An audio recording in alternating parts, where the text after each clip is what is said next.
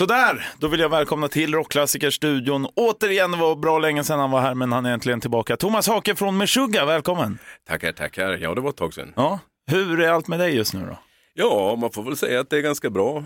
Det är väl ungefär som man förtjänar. Som man förtjänar. Vilket är då Bra. re- rejält bra. Ja, vad härligt. Ja. Du, jag tänkte höra med dig. Du, om jag har fått mina uppgifter rätt så är du alltså född i Örnsköldsvik. Stämmer bra. Växte du upp där också? Ja, ja, visst. Jag och Mårten, eh, ena gitarristen i bandet, vi växte ju upp där tillsammans faktiskt. Vi träffades redan när vi gick i lekis, var sex år gamla. Sen gick vi i samma klass genom hela skolåren ända upp till eh, vi var 18 då. All right. Så att vi har ju växt upp väldigt nära varandra i, i Örnsköldsvik då.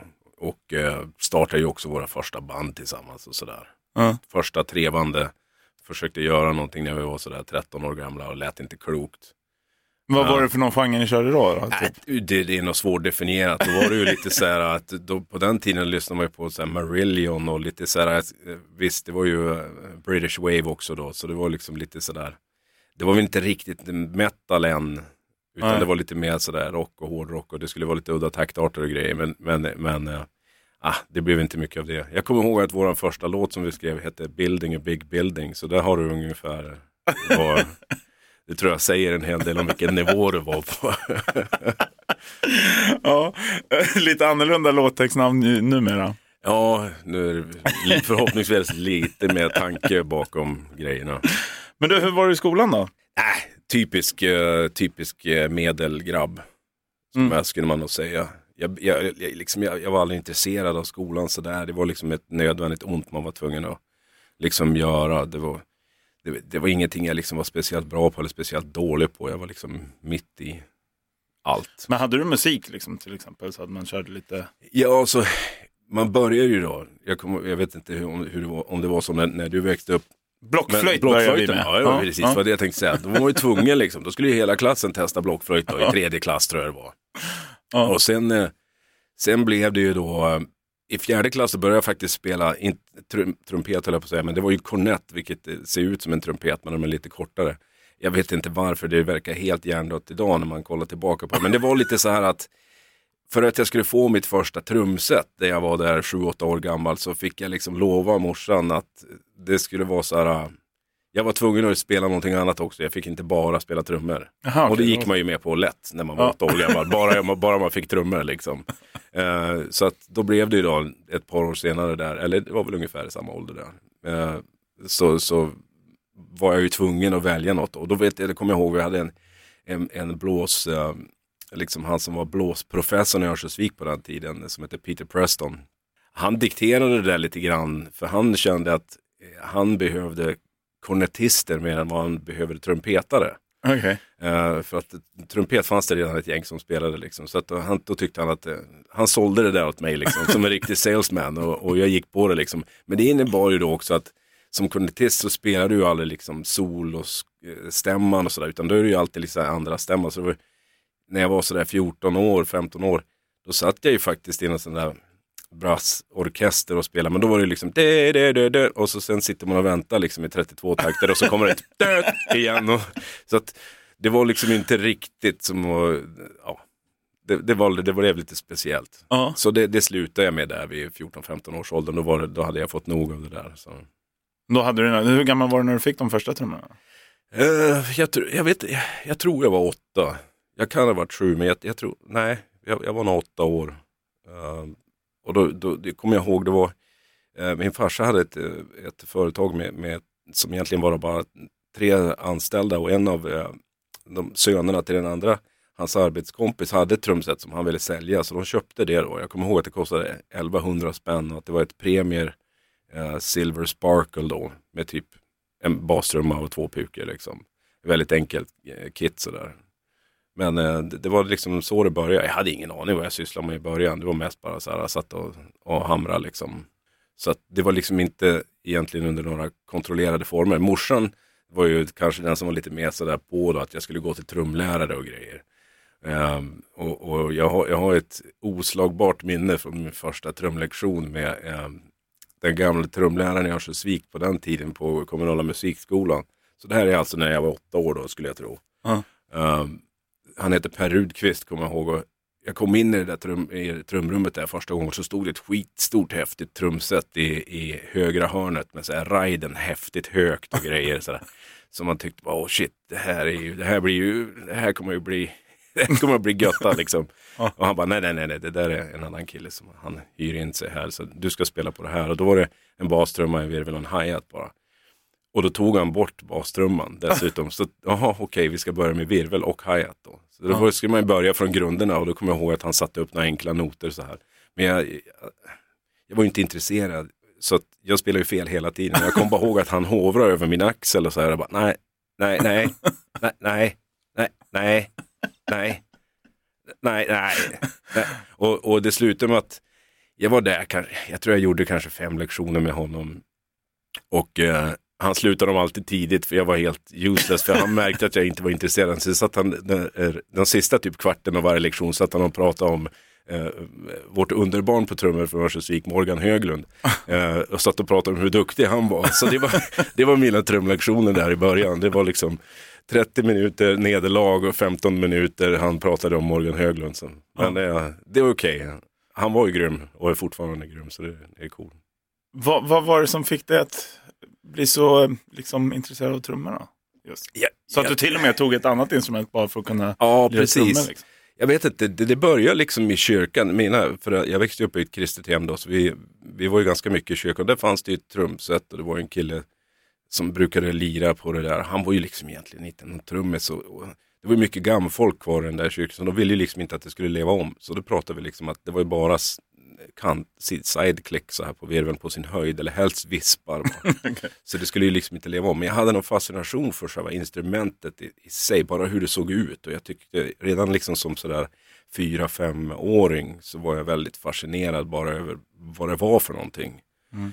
Um, och, och, det höll liksom i sig. Och, och, och visst, de här trumlektionerna, det, det gav ju ingenting utan det var ju liksom Sen började man ju spela till vinylplattor och sånt där som man hade hemma. Det var, det var liksom på ett annat sätt. Så att jag var aldrig intresserad av att lära mig den där noter och liksom den där skolade vägen. Utan det, senare blev det ju mer bara att man, man ville bara lira liksom. Men då, så du själv lärde dig själv egentligen? Ja, det kan man ju säga.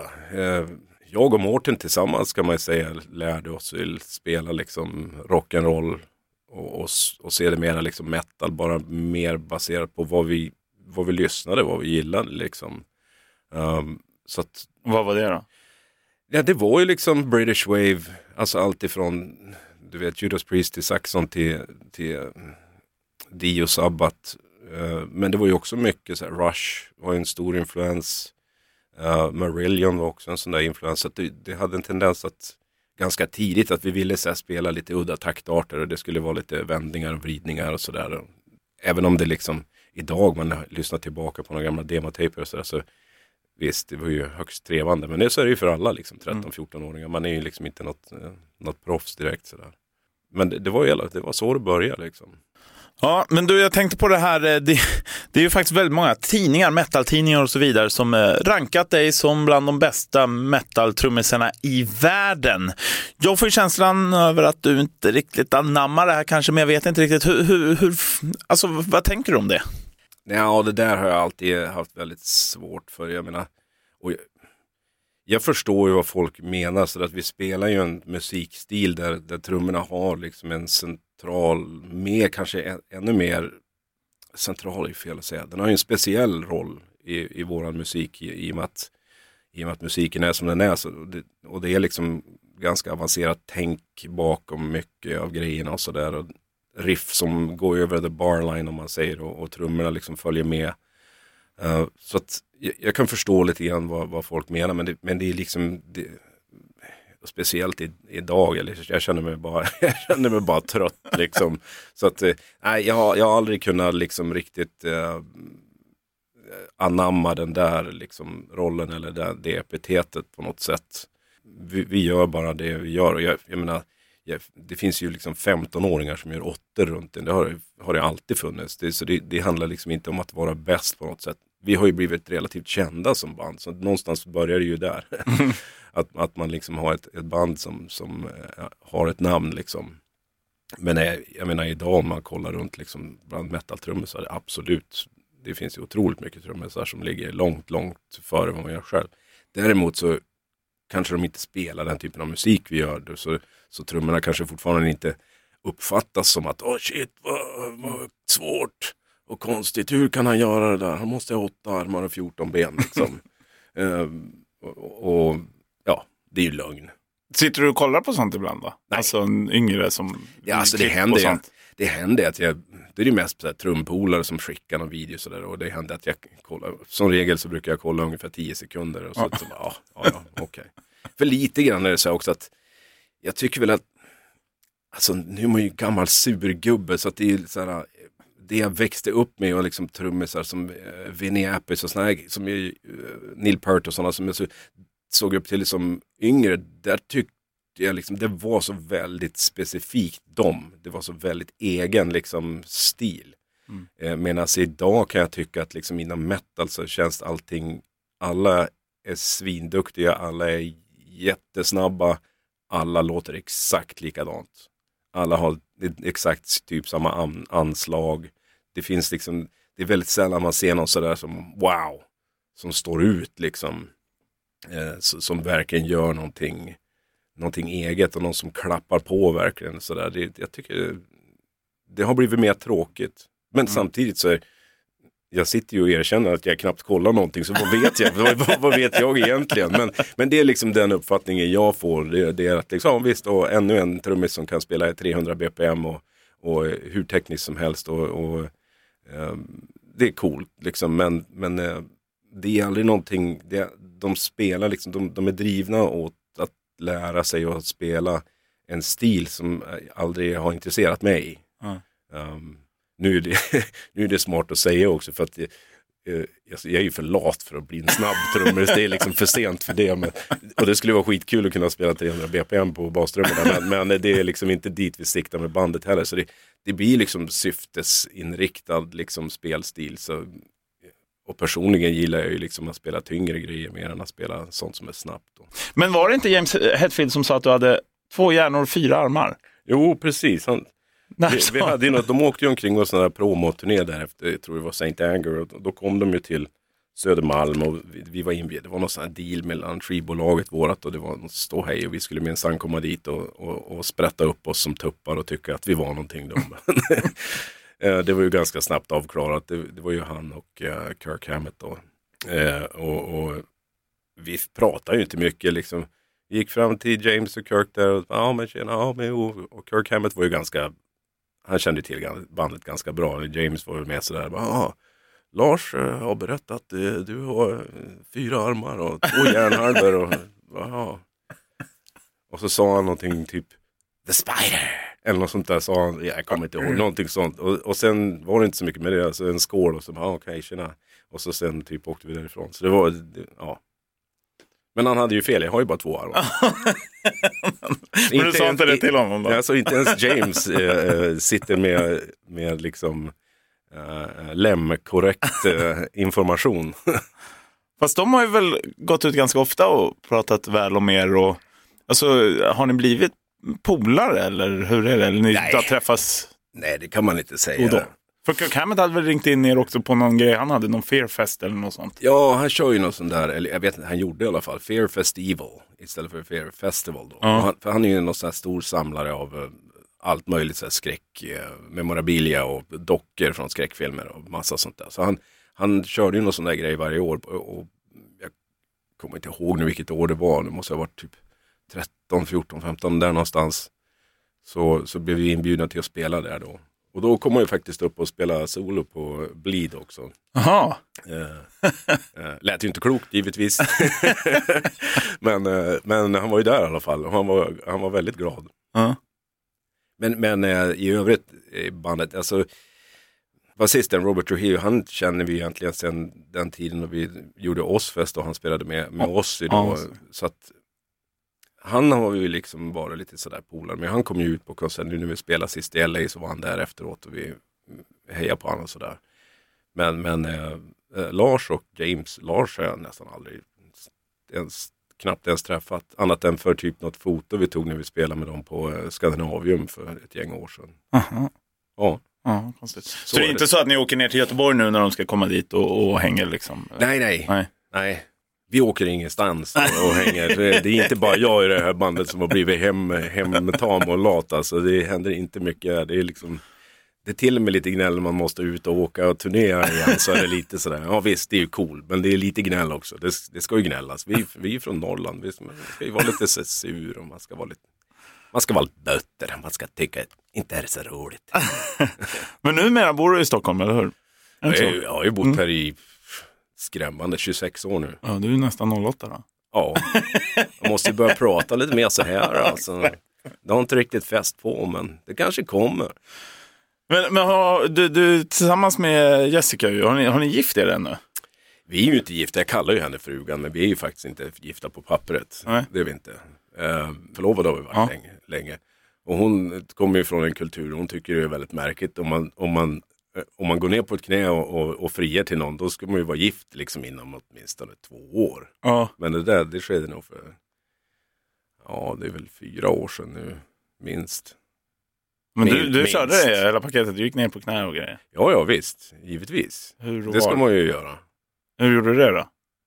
Alltså jag använder ju ena knät. Jo, jo, men alltså planerade du värsta grejen eller var det impulsgrej? Eller hur? Nej då, det var, alltså, det var ju någonting vi båda visste om. Vi, vi, eh, det är ju inte liksom 1930-tal längre. Så Vi hade ju snackat om det. Så att det var ju liksom inte som att någon av oss var förvånad över.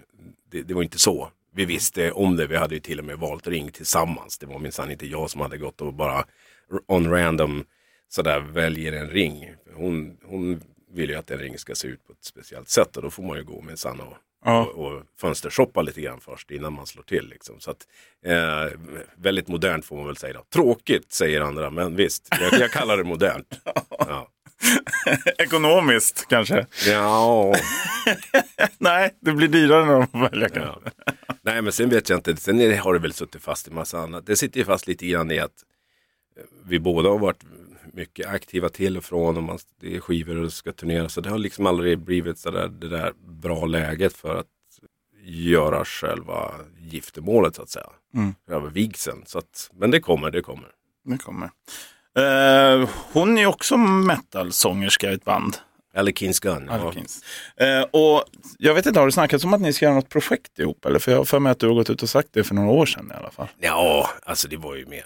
Vi hade ju någon sån tanke på att vi, men vi har fortfarande inte kommit igång med någonting överhuvudtaget. Jag har inte ens fått Cubase att fungera hemma. Så det, ja, det är katastrof. Ja, jag orkar inte ens med mig själv. Men eh, så är det. Jag fattar. Men saknar du Övik eller har du blivit en riktig sån här storstadsmänniska numera? Då? Nej, jag har nog, jag är nog mindre och mindre storstadsmän, eh, storstadsmänniska. Jag, jag, jag känner väl liksom mer att jag inte nödvändigtvis längtar tillbaka till just Övik. Men nu har jag ju föräldrarna kvar där. De är ju tack och lov i livet bägge två. Och de har ju sommarstuga där uppe. Så det blir att man åker upp sådär på sommaren och, och, och runt jul då brukar vi åka dit. Men jag, jag känner väl mer att jag saknar när jag var yngre så var det mycket liksom fiske, friluftsliv, alltså vara ute sådär. Eh, och den biten har ju liksom helt försvunnit. Eh, så nu är man ju alltså totala antitesen till det. Det är ju knappt jag går ut och ens tar en promenad liksom. Man har blivit sån, sån riktig sån där soffsittare när, jag, när vi inte är lirar då eller om jag inte är i studion och spelar så är det liksom hem och Netflixa typ. Mm. Och, och på, på gott och ont höll jag på att säga, men det finns väl inget gott i det. På ont säger vi bara. Det, det är väl viktigt att vila ut också efter. Ja, turnerande och grejer, Men, liksom. jo, jo visst, det- till en viss mån, men hallå hur mycket behöver man vila liksom? Man behöver, ingen behöver vila så mycket som jag vilar, det kan jag säga. Så att det, ja, nej, men det, det saknar jag. Eh, och, och faktiskt innan jag och Jessica blev en grej, då, då var jag ju faktiskt inne på, jag skilde mig med exfrugan, då var jag ju så inne på att faktiskt flytta upp igen Mm. till Umeå eller Övik då. Jag bodde ju i Umeå när jag började bandet, så jag, det- är ju också en stad som jag är lite van med sådär. Så jag bodde ju där i sju år, mellan 90 och 97 då. Och där bor ju även eh, min eh, brorsa och syrra. Så att eh, det, var ju lite, det lockade liksom att flytta tillbaka upp. Så jag kollade liksom efter hus i flera månader uppe i Övik och Umeå-trakten då. Men det var liksom ingenting som sådär riktigt uh, föll en i smaken. Och så sen i samma veva där så började vi liksom flörta lite sådär med, med Jessica och sen blev det en grej då 2015 ganska tidigt. Och då var det liksom, jaha, så nu har man istället liksom, istället för, istället för att flytta upp till Norrland så får man, eh, harvar man liksom fram och tillbaka till New York hela tiden. Och, och sådär. Så vi bor liksom halva tiden kan man säga i Stockholm, då, halva tiden i, i New York har det ju varit nu då. Ja. Under ett antal år. Och det är ju cool, alltså jag gillar New York men det är inte mycket för att flyga. Så att det där med att liksom flyga fram och tillbaka, det, åh, det blir rätt trist alltså. Ja, jag kan inte sätta mig på ett flyg utan att ha två jägare och två bira innan. Ja, men det ska man ju göra även om man älskar att flyga. Eh, men hur träffades ni då, 2015 där? Ja, vi hade träffats innan dess, men det var liksom aldrig på det, någon, någon sån där style, utan det var, hon, bruk, hon och några kompisar till henne kände ju, Mårten i vårt band hade lite sådär kontakt med henne via Facebook och jag kände till henne lite grann sådär och, och, och Alec Gun lite grann, det bandet som hon lirar med. Men det var ju liksom bara att de hängde sådär efter vi hade spelat i New York och snackade och sådär. Och mm. jag tyckte liksom, ja, intressant brutta liksom. Och så sen, det här var ju då 2013, så vi träffade henne 2013, 2014, men det var liksom inget sådär flörtigt eller någon sån style, utan det var liksom mer sådär, ja, metalpolare, eller vad man ska kalla det. Så det var först 2015 och då, då, då var jag på NAM mässan i LA och det var liksom där det klickade till. Då, så. Ja. ja, så det var via musiken, för många kan känna igen henne från Orange is the new black-serien där också. Ja, precis. Jag, jag, visste inte, i början så visste inte jag om att hon var, var med i den. Utan det var först där typ ja, sent 2014, tidigt 2015 som jag förstod att hon var med i den serien. Då. Så det hade liksom ingen inverkan. Jag trodde bara att hon var musiker. Mm. Eh, Meshuggah då, innan du kom med i Meshuggah så att säga, vad, vad, hade du för några planer just då? Ja, du, alltså från att, jag tror det gäller både mig och Mårten, från att vi var sådär 15 år så var det liksom bara musik som gällde. Det var liksom inget annat var intressant och vi hade ett band tillsammans då som hette Barophobia. Som, som vi övade med att spela liksom lite grann i, i Norrland. Vi var runt och gjorde några gig sådär uppe i, uppe i de där trakterna men men det blev liksom aldrig någonting som, som fick något fäste så. Och vi var ju unga fortfarande. så det, det, det, var liksom skitsamma. Men, men jag lämnade då det bandet för att börja med Meshuggah. För Örnsköldsvik var relativt litet. Jag, jag, tyckte det var kul att hoppa på bussen och åka upp till musikaffären uppe upp i uh, Umeå då. Så det gjorde man ju emellanåt. Och då, då hade jag lärt känna en kille där lite grann, Krickan. Som uh, jobbade där som sa att ja, men, eh, du, Meshuggah de eh, söker ju en ny trummis. Jag, jag hade hört dem. Eh, de släppte ju en EP 89 så jag hade, jag hade faktiskt lyssnat på dem en del och tyckte det var skitbra. Liksom. Och det var så jag liksom kom i kontakt med dem. Så han, han fick mitt nummer och så gav han det till grabbarna och de hörde av sig. Och så sen, ja, på den vägen blev det. Det var, det var faktiskt, ja, det var nog ganska speciellt för dem. För att det fanns inte mycket trummisar nu pratar vi alltså 1990. Det, fann, det var inte mycket trummisar som kunde spela dubbla bastrummor och sådär. Eh, I de där trakterna. Det är ju ändå relativt små städer liksom. Så att de här riktiga liksom, metal-trummisarna var, ju, var det ju glest emellan om man säger. Så att lite grann var det nog så att de fick eh, liksom sänka ribban lite grann. Alltså trummisen de hade innan Niklas Lundgren, han var ju, han var ju skitbra. Och, och de hade spelat in och demos och grejer som var lite skrämmande bra trumspel tyckte jag. Liksom. Och, och, och, det var det, det är det fortfarande. Det var, det var liksom snorbra. Så att lite grann var det sådär att de, de fick liksom settle for less om man säger med, med mig då. Men, men samtidigt var det liksom, ja, det fanns inte så mycket andra trummor. Så jag var ändå någonstans, tror jag, den som var närmast någonting och fixa och lira liksom det han gjorde. Men, men de första liksom året framförallt, de första två åren var det ju väldigt, väldigt mycket repa och väldigt mycket så här frustration.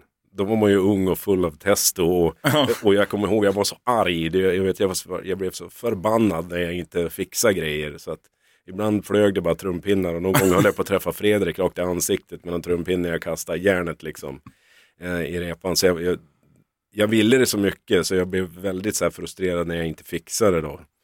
Uh, så, så det var liksom ett, de där, det första året, ett och ett halvt, det är nog den period i livet jag, oavsett vad det gäller, som jag lärt mig mest av någonting. Var det just uh, att, att lära mig liksom spela trummor på ett nytt sätt lite grann och ett annat tänk. De, de, låg liksom, de hade redan börjat spela liksom en musik som var mer avancerad och på ett annat sätt än det, det jag och Mårten hade gjort tidigare då.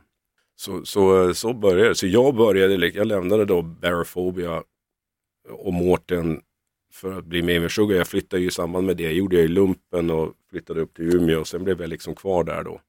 Och ett par år senare, då hade liksom musiken blivit så pass avancerad tror jag. Så Jens som spelade gitarr tidigare, då på första skivan sjöng ju både Fredrik Tordendal och eh, Jens Kidman. Och båda spelade gitarr.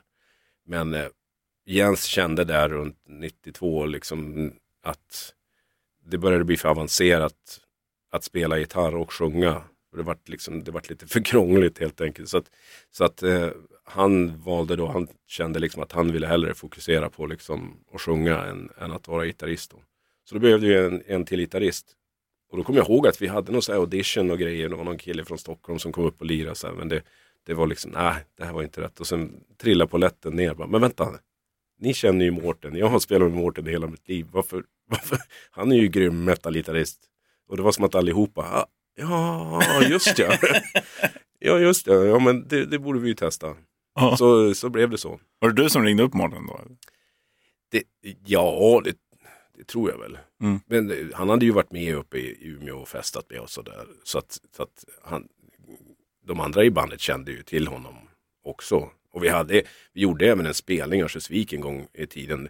Uh, då jag fortfarande spelade med Barophobia med Meshuggah då. Uh, så gjorde vi en, spelning där på i Nolaskolans aula kommer jag ihåg.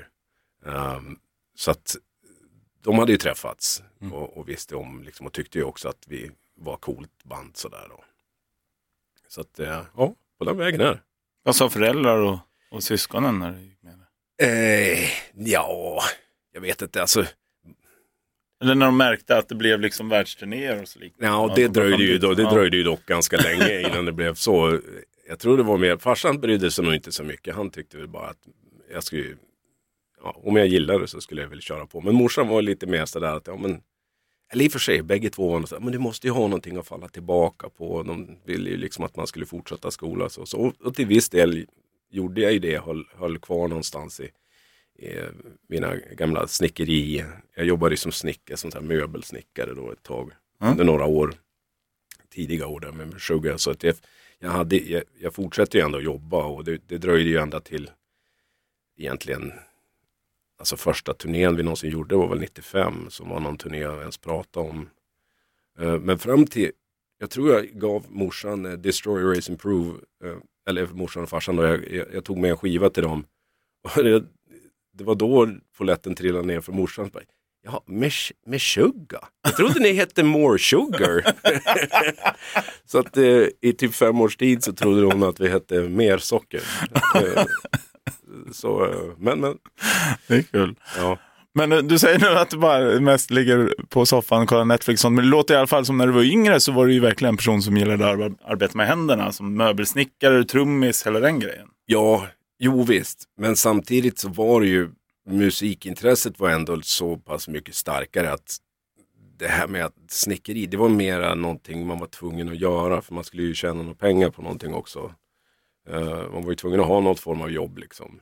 Och det var liksom lite grann så vi fungerade hela bandet. Alla hade liksom jobb på nåder eller mer sådär bara för att man var mm. tvungen att ha någonting. Men ingen var ju i, överhuvudtaget intresserad av egentligen av sina jobb jag gillade ju att snickra och göra egna grejer. Jag har byggt lite virveltrummor och en elbas och sådana där grejer. De där åren liksom. Men, men att göra grejer till mig själv var man ju intresserad av. Men det här med att liksom stå och borra elfronter i en månad, liksom, nej. Men har du någon möbel hemma som du har gjort nu? Själv? Ja, hemma vet jag inte. I studion har vi ett par stycken. Där står det någon byrå och något gammalt bord jag har gjort ah. och sådana där grejer. Men, men hemma är det väl, nej, det hänger en elbas jag byggt som hänger på på väggen där. Men det, det är väl det enda tror jag i, i dagsläget. Jag tänkte på det också, du nämnde början av 90-talet och sånt och ni kom in med Sugar. Liksom. Det, det var ju där grungen tog över hela världen också. Då mm -hmm. känner jag, alltså antingen modigt, stor passion för metal eller vidare. Alltså, pratar ni om det någonting? Var man rädd för det, att den vågen kom? Eller hur? Nej, det tror jag inte. inte alltså det var ju tror, alltså vi lyssnade också på mycket grunge, absolut. Det var liksom, det tog ju över helt. Men vi tyckte ju också att det liksom, Nirvana var ju grymma. Uh, Alice in Chains mm. var, var ju, och Soundgarden. Jag menar, det, jag tror vi allihop tyckte att det var skitbra liksom. Men, men absolut, det, det, det, tog över helt. Och metalen kändes som att även om man kollade liksom MTV och det som liksom stod på på tvn typ hela tiden där tidiga 90-talet så, så hade de ju tagit över väldigt mycket. Och, och metalen liksom, det är fel att säga att den dog ut men den, den fick ju definitivt flytta på sig mm. om man säger så. Och eh, det, det, var egentligen ett band som sådär fortfarande höll sig starka eh, och verkligen syndes och hördes i alla fall uppe i Umeå då de där åren. Det var ju Pantera. Mm. Och det var också tror jag ett viktigt band för oss sådär. Inte för att vi någonsin har försökt liksom låta som dem, så det var inget direkt någon, någon supertydlig influens. Men jag, jag tror att de, de, var ju ändå inspirerande. Det var ju, det var ju hårt liksom, stenhårt. Um, så att, så, under... Såg du dem live där då? Nej, nej, nej såg det aldrig live. Men, men det liksom, de där skivorna där, det, var, det gick ju hela tiden på, du vet, fester eller hemma hos folk eller hemma hos mig. Man spelade ju där hela tiden. Det var liksom en blandning av grunge och, och mycket Pantera då. Anderson hade ju Black Album som kom 91 som givetvis satte ner foten liksom. Men det var liksom Metallica Pantera kändes det som för mig i alla fall. I övrigt var det liksom grunge. Mm. Eh, fram till 94 typ. Och, och, och, och, jag kan väl tycka också om jag lyssnar på, vi släppte ju en EP, en femlåtars EP där, som heter None. 93, 94 någon gång kan man liksom kanske höra lite grann sådär att det finns lite grunge-influenser i det också. Som någon blandning av det vi höll på med och, och grunge. Speciellt i en låt. Så, så att eh, det, det, var ju någonting som vi nog anammade lika mycket som vi, eller mer än vad vi på något sätt skydde det. Mm. Så att, så att, uh... Nu när vi är inne på plattor från förr innan jag går in på den nya här så, så läste jag någonstans om någon episk eh, releasefest eh, för Catch 33 mm. i Tyskland med någon eh, nun, strippa som var utklädd till nunna. Ja, Vad var det om? Ja du, det här, var, det här var så konstigt. Vi hade ingenting med att göra. Så ingen kan någonsin skylla på oss. Det här var liksom skivbolaget som hade styrt upp det. Och då här tyckte de att det skulle passa då. Uh, Catch 33, vilket var, det var ju egentligen ett till en början så hade vi bara tänkt att spela in en sinuston och skicka till skivbolaget. För vi ville bara bort ifrån vårt kontrakt. För vi skrev på ett helt sinnessjukt kontrakt 1990 eh, med, med Nuclear Blast då, som var på sju skivor. Oh, jäklar. uh, uh, men då räknades ju även då EPS och sådär. Så att Catch 33 var egentligen den sista på det kontraktet då. Och tanken var till en början att bara skicka något idiotiskt liksom bara för att komma ur kontraktet det var ju en sån här grej som man hade hört talas om. Sen huruvida det faktiskt hade fungerat, om det hade liksom accepterats på något sätt, det, det, det tror jag inte. Men vi satte oss i alla fall, bara, ja men kanske ska göra någonting i alla fall. Och så sen ble, slutade det med att det blev jordens projekt där vi satt liksom hela bandet egentligen och skrev tillsammans, vilket vi inte gör som regel. Mm. Och, och egentligen är den enda skivan vi har arbetat så. Um, men, men det blev ju liksom en, en eh, cool grej. Men hur som helst, tillbaka till den här releasefesten. Så vi kommer ner till Tyskland, blir upphämtade. Och så började de berätta i bilen, liksom, ja men vi har ju gjort eh, tvångströjor. Så här, till, som alla reportrar ska, måste ha på sig. Okej, okay, så då vadå, de kan inte, då kan de inte skriva ner någonting, de kan inte ta några noteringar.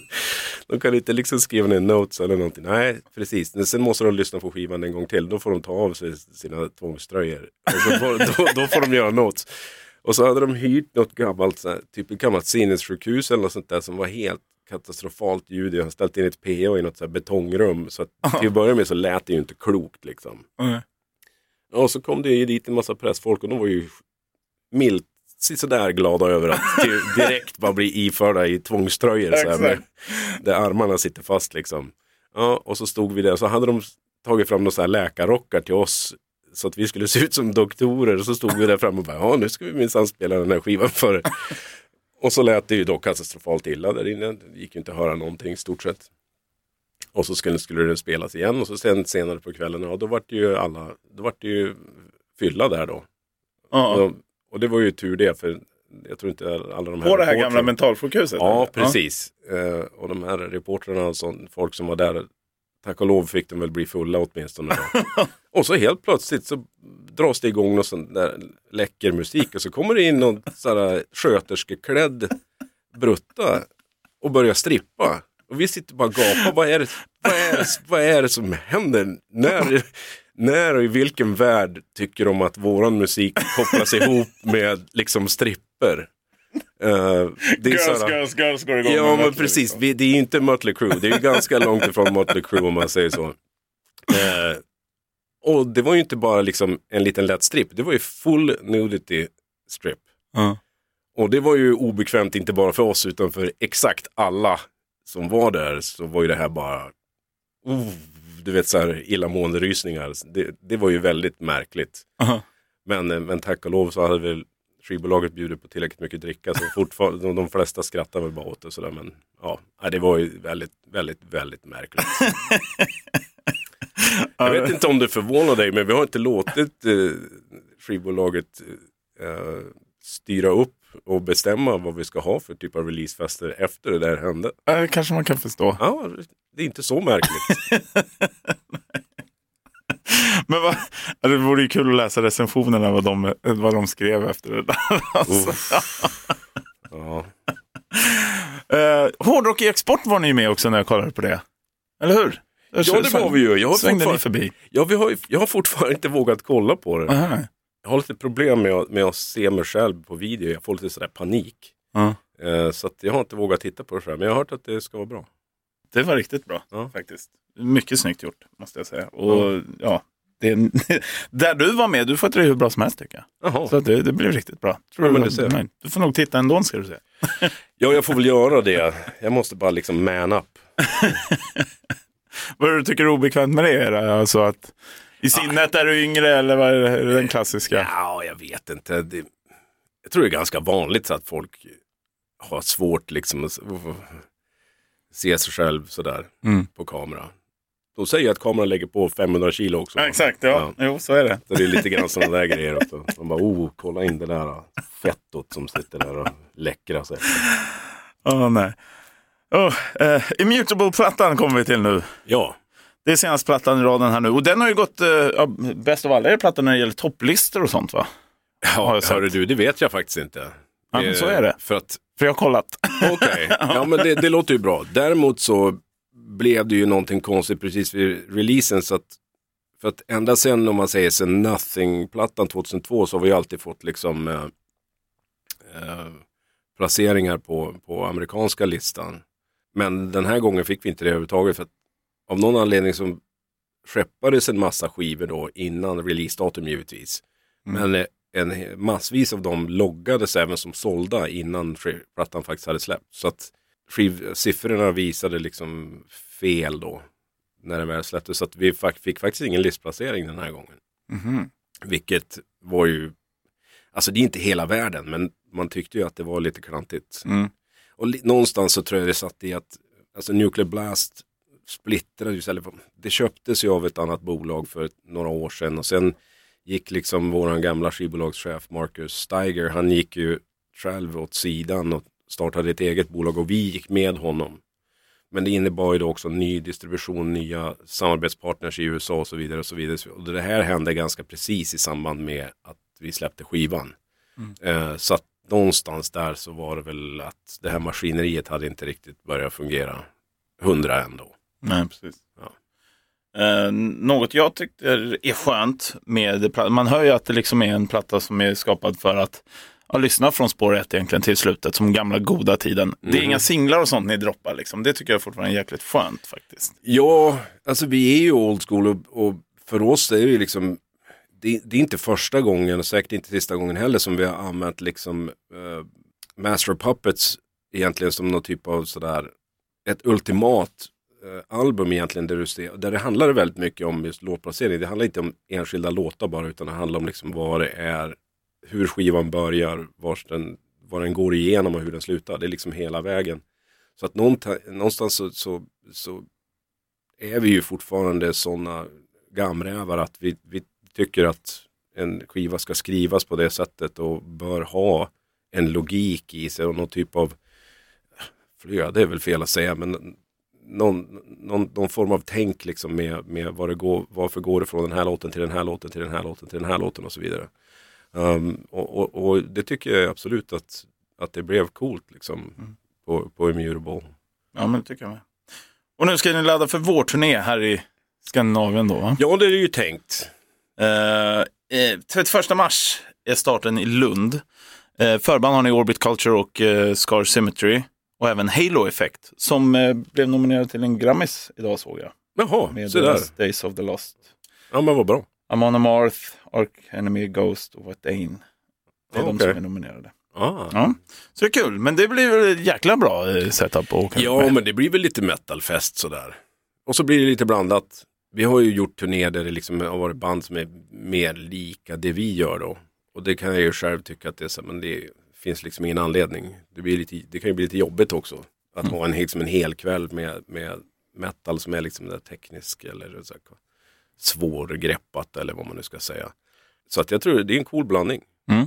Absolut. Scar Symmetry har ju liksom sin stil. Orbit Culture vet jag inte så mycket om, det är ju relativt ungt band. Eh, och Halo Effect vet jag ju hur det låter liksom. Så att ja, ja, det känns som att det blir en cool, en cool kombo av grejer. Och lite grann så här, något för alla. Ja, verkligen. Eh, visst, gillar man inte metal då överhuvudtaget. Om man bara gillar liksom eh, Lisa Ekdahl, då ska man ju kanske inte dyka upp. Eh, du, tack så jättemycket för att du kom hit Thomas och ja, men, surrade. Ja, men tack själv. Och så ses vi i Stockholm då när du väl kommer dit i påsk. Mm, gud vad härligt. Ska jag med mig då ägg som vi kan picka? ja, alltså om du känner starkt att jag kommer så göra det innan i alla fall. Det är, det är tradition, jag måste göra det. Jag har faktiskt aldrig gjort det, så någon gång ska okay. väl vara den första. Då får du lära mig hur man picklar ägg. Ja, det ska jag göra. Ha, ha det jättefint och tack så jättemycket för att du tog dig tid. Tack. Ett poddtips från Podplay. I podden Något Kaiko garanterar östgötarna Brutti och jag, Davva, dig en stor dos skratt. Där följer jag pladask för köttätandet igen. Man är lite som en jävla vampyr. Man har fått lite blodsmak och då måste man ha mer. Udda spaningar, fängslande anekdoter och en och annan arg rant. Jag måste ha mitt kaffe på morgonen för annars är jag ingen trevlig människa. Då är du ingen trevlig människa, punkt. Något kajko, hör du på podplay. Därför är gardinerna.